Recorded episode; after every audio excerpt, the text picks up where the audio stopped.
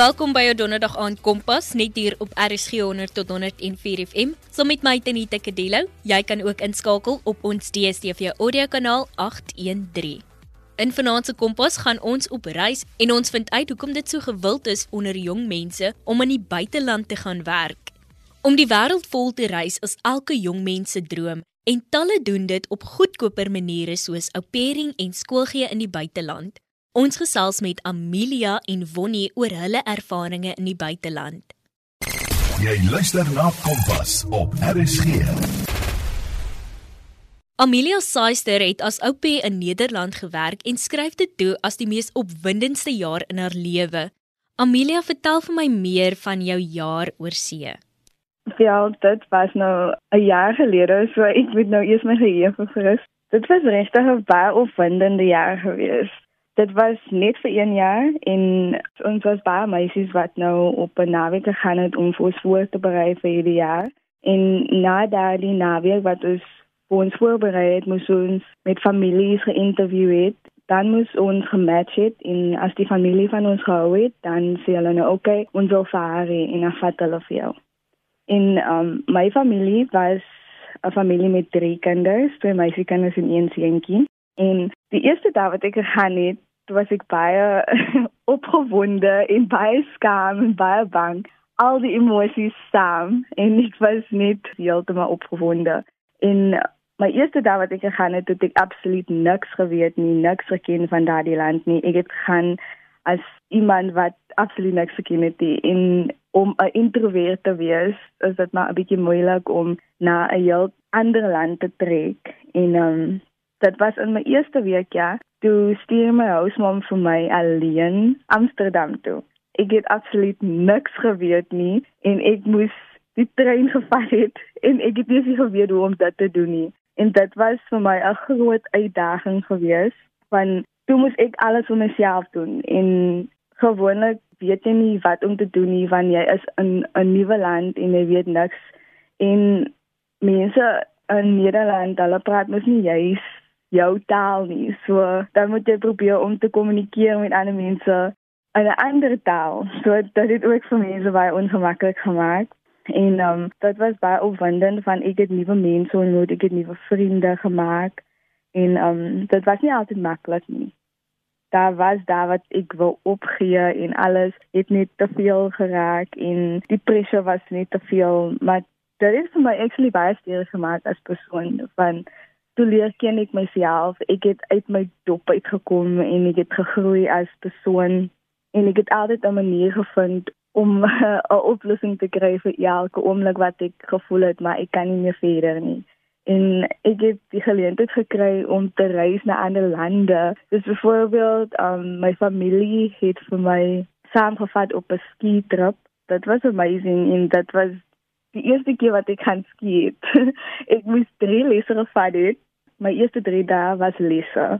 En ek het elke dag geval. Ek ek kon nie meer byhou met hoeveel keer ek geval het. Die, dit is iets wat ek nooit gedog het ek sou doen nie en daar het ek ook besef dat ek is in staat van goedes wat ek eens nooit geweet het ek kon doen nie en ek was ook in Parys met my vriendin. Ek wou van laerskool af al Parys toe gegaan het en ek het nooit eers imagine dat ek sal Parys toe gaan of 20 jaar oud um Parys toe gaan nie. Dit was so 'n breakpoint ook in my lewe en um en ek en my vriendin het ook besluit dat ons gaan België toe net sommer net besluit om te gaan en um ja, dit was ook een van die opwindende um oomblikke van my lewe van ons het absoluut ook niks geweet van België nie. Nou dit net besluit om op die bus te gaan en toe gaan ons in toe explore ons 'n hele naweek in België en ons het verskillende goeie gesien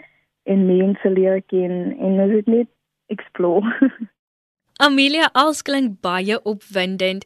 Hoekom het jy besluit om au pairing te doen en wou jy nog altyd die wêreld plat reis of was dit vir ander redes ook? wat ek gesê het, ek wou van laerskool af al die wêreld plat gereis het. En nog steeds natuurlik van die plekke wat ek gaan was dit was maar net vir 'n week of 'n naweek, so ek wil definitief weer gaan. Maar ek het actually 'n gap jaar gevat na matriek.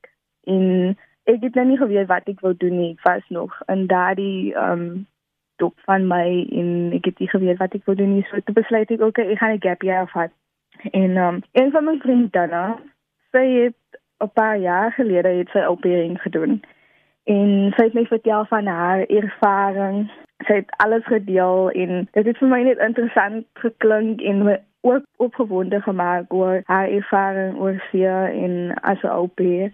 En um aangesien ek 'n gap jaar gevat het, het sy vir my aangemoedig om dit ook te doen en ek het toe navorsing gedoen om uit te vind of dit veilig is en wat ek kan verwag as 'n op in 'n ander land vir 'n jaar en um na my navorsing en toe het ek toe besluit okay, dit ek vir myself gevra as ek bereid om dit te doen, wil ek dit doen? En wat kan ek verwag as ek dit moet doen? En toe het ek net besluit okay ek gaan dit doen.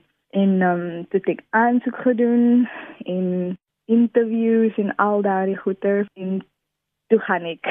En dit is so my op ehm um, journey begin het Ek dink dit is baie belangrik wat jy noem nou van jy moet jou navorsing doen om te kyk of dit veilig is want ons lewe in so 'n onsekere tyd en dit is so verskriklik maklik vir mense om scams op webtuistes en goed te sit. So ek dink dit is baie belangrik dat jy die punt van navorsing doen navorsing voor jy oor see wil gaan of vir iets oor see wil aansoek doen dat jy navorsing moet doen dat jy dit so baie beklemtoon.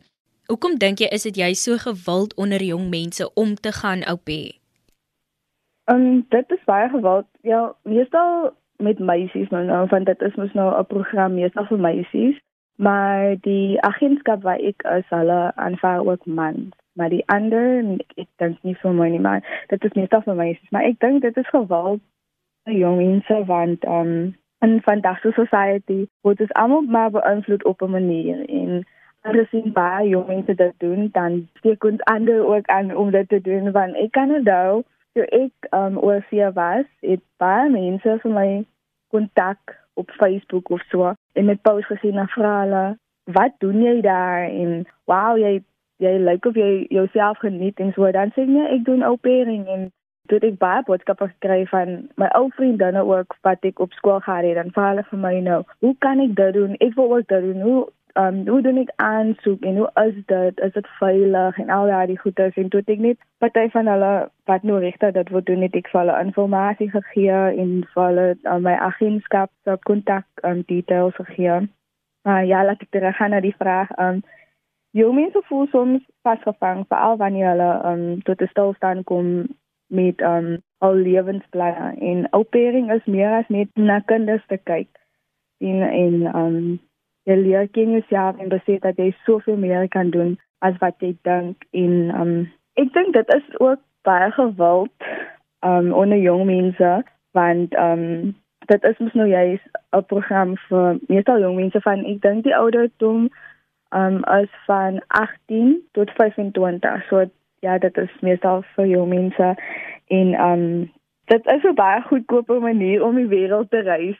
So die jong mense vat dit as 'n kans om die wêreld te reis en om te explore op 'n baie goedkope manier as om dit vrylik te doen. Sê maar nou, um jy besluit om nou die wêreld te gaan reis nie op jou eie, dan gaan dit duurder uitweek as om opering te gaan doen en dan woon jy by jou familie en dan kan jy ook spaar om te reis. So dit is ook baie uh, baie goedkope manier, maar soos ek gesê het, dit is geweld want ons steek mekaar aan om dit te doen en ander jong mense vind dit geïnteresseerd en dan wil hulle dit ook doen. So ja, dit is basies dit. Ja, en wys my 'n jong mens wat nie lief is daarvoor om te reis nie. Dit is mos maar hoe ons jong mense is. Jy het vroeër melding gemaak van Amsterdam en ehm um, dit gee vir my die indikasie dat jy in Nederland was. Hoe verskil Nederland van Suid-Afrika? Sjoe, dit is so veel wat ek wil sê daaroor. Eerstens aan ek sê Nederland is baie baie veiliger as Suid-Afrika. Die dag toe ek geland het, um dit was die dag gewees ja, dit was 1 uur die middag, beland ek in Amsterdam. Ek kon toe dadelik die verskil voel en sien tussen Suid-Afrika en Nederland. Eerstens ek is baie lief vir my land. maar um Nederland is 'n baie baie skoon land. Like ek het nêrens eers 'n papier gesien op die grond nie en um Ja, ons land is in verskillende gebiede baie skoon, maar in Nederland kan jy definitief sien mense hou van alle land skoon hou. en um, ek het ook opgelet dat al mense van meer waarde in hulle atmosfeer, um, alle landscapes is baie presies. Mense kan sien hulle vind baie waarde daaraan en um, as wat ons Suid-Afrikaners doen, maar om dit te sê, nou baie Nederlanders, hulle het vir my baie goeie comments gegee van ons land ook. Hulle het baie hoe ons ook dinge doen en veral Weskaap. Baie Suid-Afrikaners het vir my gevra waar in Suid-Afrika woon ek. Dis ek in die Kaap en Weskaap.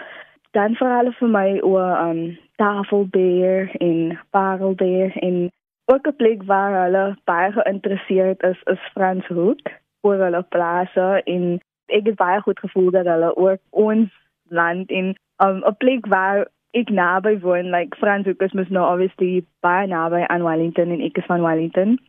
En dat het my baie goed laat voel dat hulle ook ons plekke admire en um ook iets wat baie uitgestaan het van Nederland is. Hulle is meer op 'n fietsgebaseerde land en hulle het letterlik baie wat spesiaal vir hulle fietsse gemaak is soos 'n fietsryers het meer voorkeur gekry as mense wat in motors ry en dit is nogal iets wat Suid-Afrika nie het nie en ek moes um van die huis waar ek gewoon het um met my fiets gery na die stasie toe. Ek kon letterlik 2 uur in die oggend van die stasie af gery het na my huis toe en sonder om um onder vrees te gewees het om te dink dat okay, gaan ek veilig wees? Gaan ek bespring word deur iemand of gaan iemand my fiets steel of gaan iets met my gebeur en ek het nie eers een gedagte gehad van dit in Nederland nie. Waar ons in Suid-Afrika elke sekonde agter toe moet kyk of ons veilig is en of eers rond te kyk om ons om te kyk okay is staan daar iemand wat met dobbel, um, kan ek maar in my kar klim okay, jy woon ook mos nou in Suid-Afrika en obviously voel jy ook nou en dan so ons is nie elke dag um veilig nie en met wat nou in vandag gebeur mense word vermoor en ons voel elke dag net nie meer veilig in ons land nie wat baie hartseer is. Ja, dit is iets wat ek baie admire van Nederland. En wat was van jou gunsteling eetgoed in Nederland? Oh, um dit is 'n snacksnaam, maar ek kan dit nie onthou nie. Maar dit was deel van die Nederlandse tradisie actually. Okay, my tweede gunsteling was stampotjie. Dit is letterlik net mes en dan is dit met groente in wat jy net meng en dan is dit 'n stampotjie. en stroopwafels? Oh ja, maar dit is meestal in België. Dit is meer bekend in België as in Nederland, maar dit is ook daar ja. Die stroopwafels daar is dit jou ja. bitterballe en al daai goedjies. Oh ja, daar is dit. Ja, maar die bitterballe. Dit was my favourite, ja. en dis so 'n vreemde woord. Nee, dit is actually baie maklike woord, maar ek het nou nie ek ek kon nou nie daarby kom nie. Jy luister nog na Kompas op RSG 100 tot 104 FM. Saam met my Tenita Kadello en ons gesels oor skoolgee in die buiteland en ou pairing jy's nou terug in die land. Hoe voel dit om terug te wees en moes jy bloot terugkom vir die feit dat jou jaar was nou verby en sal jy ooit weer wil teruggaan as jy die geleentheid kry? Ja, ek is nou al terug vir 'n jaar. Ehm um, en dit vat actually nog steeds tyd om aan te pas want ek is nog steeds gewoond aan die manier hoe ek geleef het in Nederland. En ehm um, dit was net 'n jaar kontrak gewees. Dit is hoekom ehm um, ek net 'n jaar daar kon gebly het. Maar ek sal definitief terug gaan. Maar ek kan ongelukkig nie weer na Nederland toe gaan nie want ehm um, daar is reël jy kan net een keer opering doen in Nederland, maar daarna kan jy na ander lande soos België, China, ehm um, Germany en of Amerika toe gaan. Maar ek sal beslis weer gaan. En watter advies het jy vir ander jong mense wat ook daarin belangstel om opering te doen? Um eerstens sal ek sê um as jy nie 'n liefde het vir kinders nie, dan is dit nie vir jou nie. Soos meeste meisies um doen dit net vir die fun en die geleentheid om te gaan reis. Dit is deel van die pakket, maar daar is soveel meer as net dit. Die meerderheid van jou jaar as jy daar gaan wees, dan gaan jy met die kinders moet wees. Jy moet na die kinders kyk, jy moet vir hulle goedes leer en jy gaan moet bond met die kinders. So jou jaar daar gaan actually meer oor jou tyd met die familie en die kinders. As nie net oor um die reis en so nie, maar dit is definitief deel van die pakket. Maar soos ek gesê het, as jy nie lief is vir kinders nie, gaan jy nie jou jaar daar geniet nie. Nommer 1, dit moet gaan oor die kinders. Maar dit sê nie jy gaan nie van net nie. Jy kan definitief van net met die kinders, want jy word deel van die familie en dit is wat um, jou jaar by opwinding gaan maak. En um vir die ouer jaar, daarvoor sal jy emosioneel, fisies en intellektueel voorberei moet wees. Jy sal definitief dit moet doen jy sal ook um, bereid moet wees om op jou eie te wees. Soos ek was 'n introvert wat ek gegaan het en ek was nie gewoond om dinge op my eie te doen nie. En dit is iets wat jy moet hê. Want jy gaan definitief verander en meer goedes leer wanneer jy gaan. Maar die beste advies wat ek kan gee is wees altyd jouself. 'n Jaar propvol groei en pret vir Amelia. Dankie Amelia dat jy jou ervarings met ons gedeel het. 'n Ander populêre opsie onder die jeug is skoolgee in die buiteland en ons gesels met Wonnie van Kimberley hieroor. Kompas, jou loopbaanrigtingaanwyser op RSG. Wonnie, jy was in China en jy is van plan om Taiwan toe te gaan wanneer jy nou weer internasionaal kan vlieg. Hoe was die ervaring in China en sien jy uit na Taiwan? Hey Tanita, daar is so baie wat ek kan sê oor my ervaring in China. Dit was 'n belewenis. Die eerste maand of 2 was wel 'n groot aanpassing omdat ons 'n klein bietjie kultuurskok ervaar het. Maar op die einde van die dag moet jy jouself oopbou vir 'n nuwe avontuur en nuwe ervarings. En ja, ons is in die proses om Taiwan toe te gaan, Ons gaan vir 'n private skool werk syd in die land en ons moet 'n kurrikulum optrek vir kontent en taal geïntegreerde leer. Ons sien baie uit na die nuwe avontuur en hoop hulle kan ons 'n verskil maak. Hoekom dink jy kies meer en meer jong mense hierdie as 'n opsie? In my opinie sal ek sê dat baie wat vars uit universiteit is, sukkel partykeer om werk te kry. Soms is dit om die wêreld te sien en om nuwe ervarings te beleef.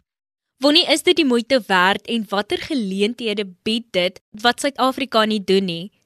Kyk Denita, dit is die moeite werd as jy dit reg en wettig doen. En dit wat aan jou aangebied word, verskil van werk tot werk maar sekere voordele wat ek ervaar het is korter werksure, meer geld vir dieselfde werk, beter werksomstandighede soos geen administrasietye, min administrasietye of kleiner klasse.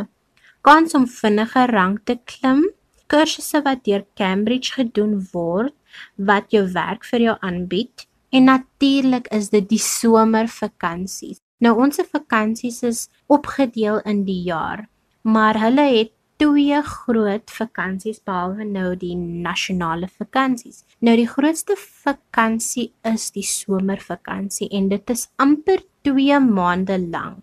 Wat beteken jy kan rondreis in die land waar jy jouself bevind?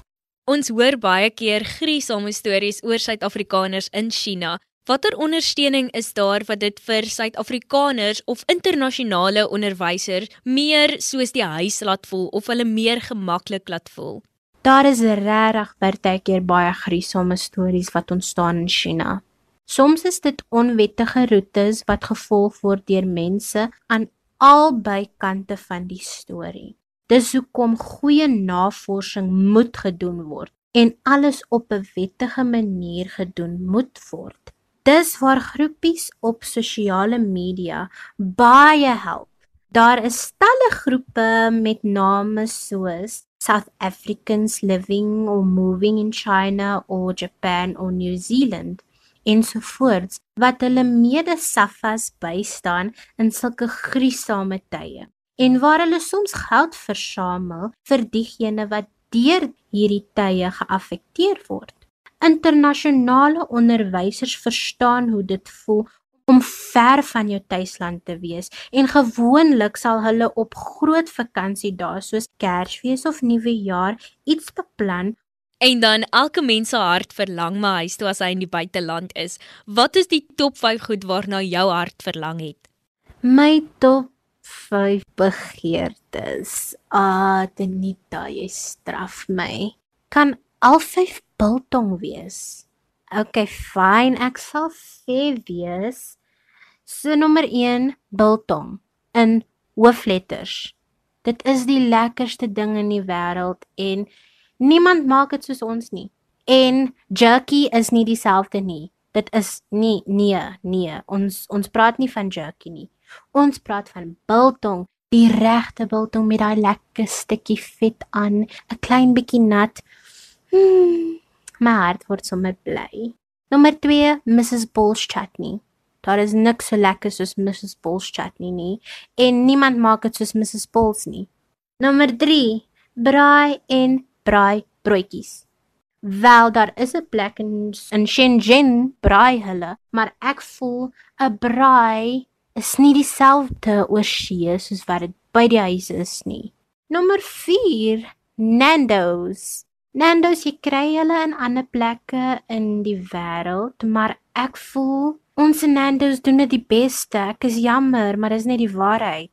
Nommer 5, sout en asynskyfies die lekkerste lekker. Maar okay, jy kry dit soms plekke, maar nie altyd nie en dit proe net nie dieselfde soos in Suid-Afrika nie. Maar soos ek gesê het, jy kan ten minste oor see soms hierdie goedjies kry, want som van ons safas bring dit oor na verskillende lande toe en in China is daar so mense wat biltong maak en wat sout en asynskyfies verkoop en knickknacks. Maar ach, dit is net nie dieselfde soos om in 'n winkel in te loop en dit self te koop nie. Maar ek dink hierdie produkte troos darm my hart so klein bietjie. 'n Kulturele skok met tonne opwinding. Dankie Wonnie dat jy jou ervarings met ons gedeel het. Onthou indien jy enige navrae het, kan jy 'n SMS stuur na 45889 teen R1.50 per SMS of 'n e-pos na kadilo.tz@sabc.co.za en net voor ek groet jou Woza Matrix inspuiting. Woza Matrix is nog steeds hier. Jy kan Woza Matrix vind op SABC3, DStv, EasyView, SABC en DStv Catch-up, as ook op DWE TV OpenView en jy staan nou ook 'n kans om 'n Bitwest Walton koopbewys te wen deur slegs hierdie eenvoudige vraag te beantwoord. Wat is die mikroskopiese spasie tussen twee aangrensende neurone? Gaan na ons stote rekening en tweet jou antwoord met behulp van die houtsmerk Woza Matrix. Kompas word aan jou gebring in samewerking met SABC Opvoedkunde en Percy Mogale was ons regisseur vir vanaand.